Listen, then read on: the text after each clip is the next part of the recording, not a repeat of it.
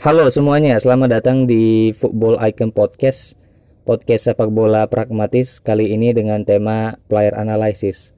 Gua mau bahas santai tentang salah satu gelandang Manchester United dari Skotlandia yaitu Scott McTominay. Nah by the way, Scott McTominay ini udah ikut Akademi Manchester United sejak umur 5 tahun. Ya kita tahu Akademi Manchester United ini kan merupakan salah satu akademi terbaik di dunia meskipun yang nggak bisa dibandingin lah sama Ajax Amsterdam atau La Masia-nya Barcelona. Tapi memang akademi ini kan menghasilkan banyak sekali pemain berkualitas di mana dulu ada Class of 92 nah sampai sekarang juga masih memproduksi beberapa pemain yang menurut gua kualitasnya cukup baik. Tinggal bagaimana sistem sepak bola modern ini bisa nggak membuat transisi yang efektif antara pemain muda dengan pemain utama di tim senior gitu. Nah, melewati fase akademi, Scott McTominay pertama kali jadi starting line up masuk ke tim utama tahun 2016-2017 di bawah asuhan Jose Mourinho dan di sana dia memberikan peran signifikan kalau kata gue karena at that time Manchester United juga punya isu di lini tengah dan Scott McTominay menjadi salah satu sosok yang memberikan peran penting untuk perkembangan lini tengah Manchester United. Cuma kita tahu memang kedalaman squad di lini tengah Manchester United itu uh, punya banyak sekali opsi ya. Mulai dari yang senior kayak Matic atau yang punya talenta world champion kayak Paul Pogba. Habis itu kan ada kedatangan baru Van de Beek, Fred yang kita lihat musim ini punya signifikan luar biasa. Ada banyak sekali perubahan meskipun pada awalnya ketika kedatangan Fred itu kan pernah jadi kontroversi karena konon katanya bukan pemain yang direkomendasikan oleh Mourinho. Tapi musim ini Fred punya kualitas yang itu banyak sekali peningkatan. Nah Bruno sebagai attacking midfielder a focal point dalam squad Manchester United. Nah dari lini tengah ini kan MU punya opsi atau punya kedalaman squad yang bisa buat Manchester United terus kompetitif di sepanjang pertandingan liga gitu. Nah, McTominay ini by the way dulu ketika era Mourinho merupakan salah satu rekomendasi dari Sir Alex Ferguson. Jadi ya gue kalau nyari source-nya mungkin masih belum ada yang valid ya tapi ada rekaman di mana memang uh, si Alex Ferguson ini yang juga sama-sama orang Skotlandia bilang kalau nasihat dia ke Mourinho adalah untuk lebih sering memainkan Scott McTominay. Ya memang di dalam sosok Scott McTominay ini ada prospek yang tinggi sih untuk masa depan lini tengah Manchester United. Terkait dari gaya permainannya ya Scott McTominay bisa main jadi double pivot, double six ketika Manchester United pasang formasi 4-3-3 di mana double six dan buat Bruno itu jadi uh, free roaming. Ya kalau gue lihat sih paling cocok sama Fred ya kan?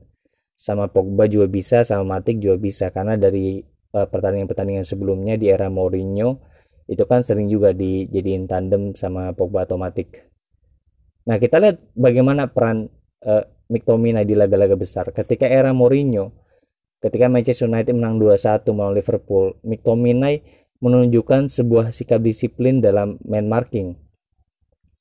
Pas persentasenya juga sangat baik.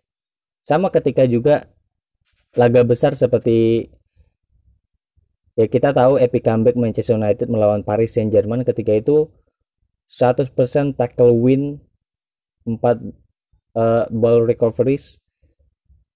Intercept juga sering melakukan di sana. Sampai disiplin main markingnya ini yang menunjukkan McTominay merupakan salah satu pemain yang sangat kuat dengan cita rasa Manchester United yang punya passion dengan klub gitu. Mungkin ya kita tahu isu Pogba di mana ketika bermain banyak sekali dia di dikomentari atau dapat gertakan dari Manchester United Legends. Kayak Roy Keane, Paul Scholes karena ketika pertandingan mungkin dari segi passion atau gairahnya kita nggak kelihatan gitu. Cuman ya Pogba masih memberikan kualitas juga dari segi passing. Jelas Pogba yang paling dominan di antara yang lain. Nah, cuma work rate ini gue rasa itu jatuh ke McTominay dan Fred lah. Work rate dari segi etos kerja di lapangan kita tahu McTominay juga orang yang nggak berhenti lari sepanjang pertandingan gitu. Nah, ketika Manchester United berhadapan dengan Sheffield United kemarin, Scott McTominay 3 menit berhasil mencetak dua gol. Seakan dalam satu pertandingan dengan itu dia udah berubah jadi Lampard ketika prima gitu.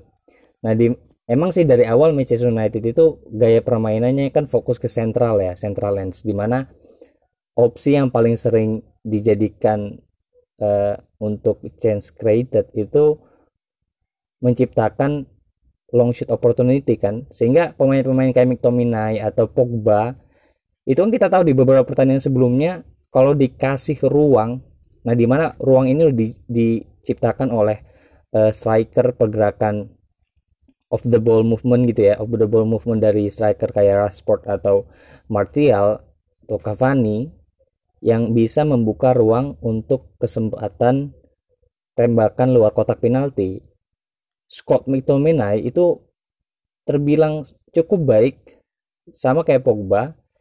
Nah, itu yang membuat ketika Manchester United dikasih peluang seperti ini jelas sangat berbahaya untuk tim lawan gitu. Karena Manchester United punya gelandang-gelandang yang long shootnya long range itu sangat baik gitu. Nah, Scott McTominay ini dari segi antara defensif atau central midfielder tradisional central midfielder. Ya defensif baik dan itu juga sangat cocok untuk uh, McTominay cuma kalau tradisional central midfielder ya nggak sebagus ketika dia defensif. Cuman itu masih sangat baik dibanding yang lain gitu. Nah ketika jadi tradisional central midfielder itu mengingatkan kita pada sosok salah satu gelandang andalan uh, Sir Alex dulu yaitu Darren Fletcher Nah, Darren Fletcher ini kan tradisional central midfielder yang punya etos kerja luar biasa dan selalu jadi andalannya Sir Alex Ferguson gitu. Nah, McTominay punya promising talent untuk masa depan yang bisa menyesuaikan tentang gaya permainannya dengan cita rasa Manchester United gitu. Nah, kalau kita lihat dari squad Manchester United sekarang, mungkin kita bisa nanya siapa sih yang paling berkontribusi untuk beberapa pertandingan Manchester United sampai pekan ke-14 ini? Ya kita tahu banyak sekali nama jelas semuanya berkontribusi. Tapi yang kalau gue lihat signifikan yang pertama jelas Bruno Fernandes karena a focal point pengatur tempo serangan. Yang kedua ada Marcus Rashford explosive pace-nya yang dari awal musim sampai sekarang itu sangat membantu Manchester United untuk transisi serangan balik. Yang ketiga ada Alex Telles, di mana Alex Telles ini kan yang bisa membenahi isu Manchester United dengan fullback yang sering berulang-ulang gue bilang masalah tentang seperti itu. Nah Alex Telles ini menjadi salah satu orang ya respectively Luke Shaw juga masih punya kualitas karena dulu kan dia pernah sempat cedera sekarang Luke Shaw udah main uh, lumayan konsisten juga cuma Alex Telles ini benar-benar memberikan kualitas yang berbeda untuk squad Manchester United Nah itu yang urutan ketiga. Nah di urutan keempat ini Scott McTominay. Scott McTominay karena dari segi konsistensinya itu sangat luar biasa. Kita ngomong masalah gaya permainannya deh. McTominay memang suka mendribble. Habis itu dia suka long shoot dari luar kotak penalti. Dan McTominay ini kalau bisa dibilang aerial duel itu selalu menang. Jadi Manchester United punya kayak Maguire punya kayak Scott McTominay yang itu dia dari segi aerial duel dia bisa menang gitu.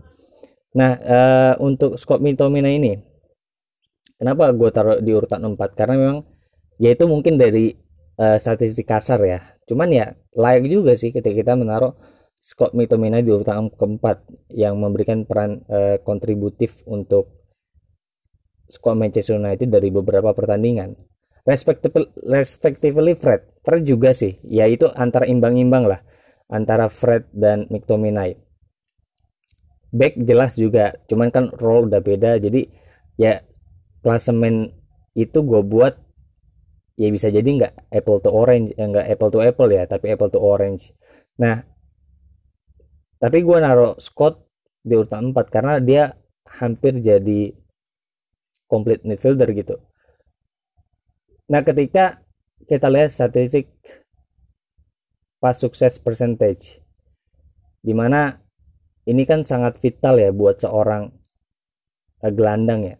Fred yang buat gue nggak naro dia di atas McTominay karena Fred kadang kalau kita lihat memang bagus etos kerjanya cuman beberapa kali sering kehilangan bola itu kan fundamental sekali untuk uh, gelandang ya ketika udah kehilangan bola apalagi di lini tengah kan bahaya sekali gitu ya Fred juga masih punya banyak potensi berkembang. Cuma ini statistik gue lihat dari sam uh, sampai pekan ke-14 gitu.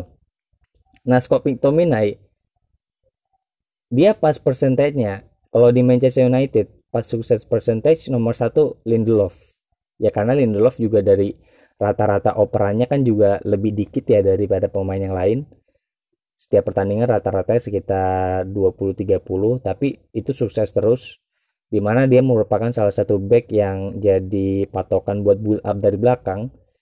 Maguire juga respectively bagus dan Maguire memberikan kualitas yang beda di dari segi pertahanan untuk aerial duel. Nah, Lindelof urutan satu, urutan dua pas sukses percentage itu ada di Scott McTominay dengan 82 83% dari uh, average pace atau rata-rata passing setiap pertandingan itu 40 kok Bruno Bruno nggak masuk urutan atas? Bruno karena average pace-nya atau rata-rata pasnya setiap hari eh setiap pertandingan itu lebih tinggi daripada yang lain gitu. 56 60 nah jadi ya wajar ada beberapa uh, operan yang gagal yang itu juga sebenarnya juga evaluasi sih buat Bruno Fernandes cuman dia dari segi kontribusi kan nggak cuman masalah operan doang off the ball movement habis itu peran dia untuk menginjeksi tempo penyerangan, transisi penyerangan sampai umpan-umpan krusialnya sampai jadi pemain lubang untuk mencetak gol. Ya itu kan udah beda role ya. Sedangkan McTominay ini bagus sekali yang itu merupakan salah satu atribut yang paling mendasar untuk seorang gelandang. Dribblenya juga tinggal bagaimana dia tactically adaptif. Dari segi crossing gue belum bisa lihat karena memang Manchester United untuk crossing McTominay mungkin instruksinya nggak dapat seperti itu kayak Pogba kenapa sih dapat instruksi untuk crossing atau umpan-umpan e, lambung umpan terobosan karena ya kita tahu Pogba secara skill technically dia bagus sekali kan untuk e, umpan terobosan gitu.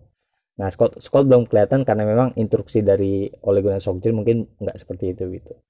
Ya mungkin itu aja singkat aja sih tentang ya ini awalnya gue mau bahas squad McTominay jadi bahas lebih luas ke squad Manchester United ya. Cuman ya itu McTominay punya prospek atau salah satu talenta menjanjikan untuk lini tengah Manchester United. Mungkin itu aja dari gue sampai ketemu di sesi selanjutnya.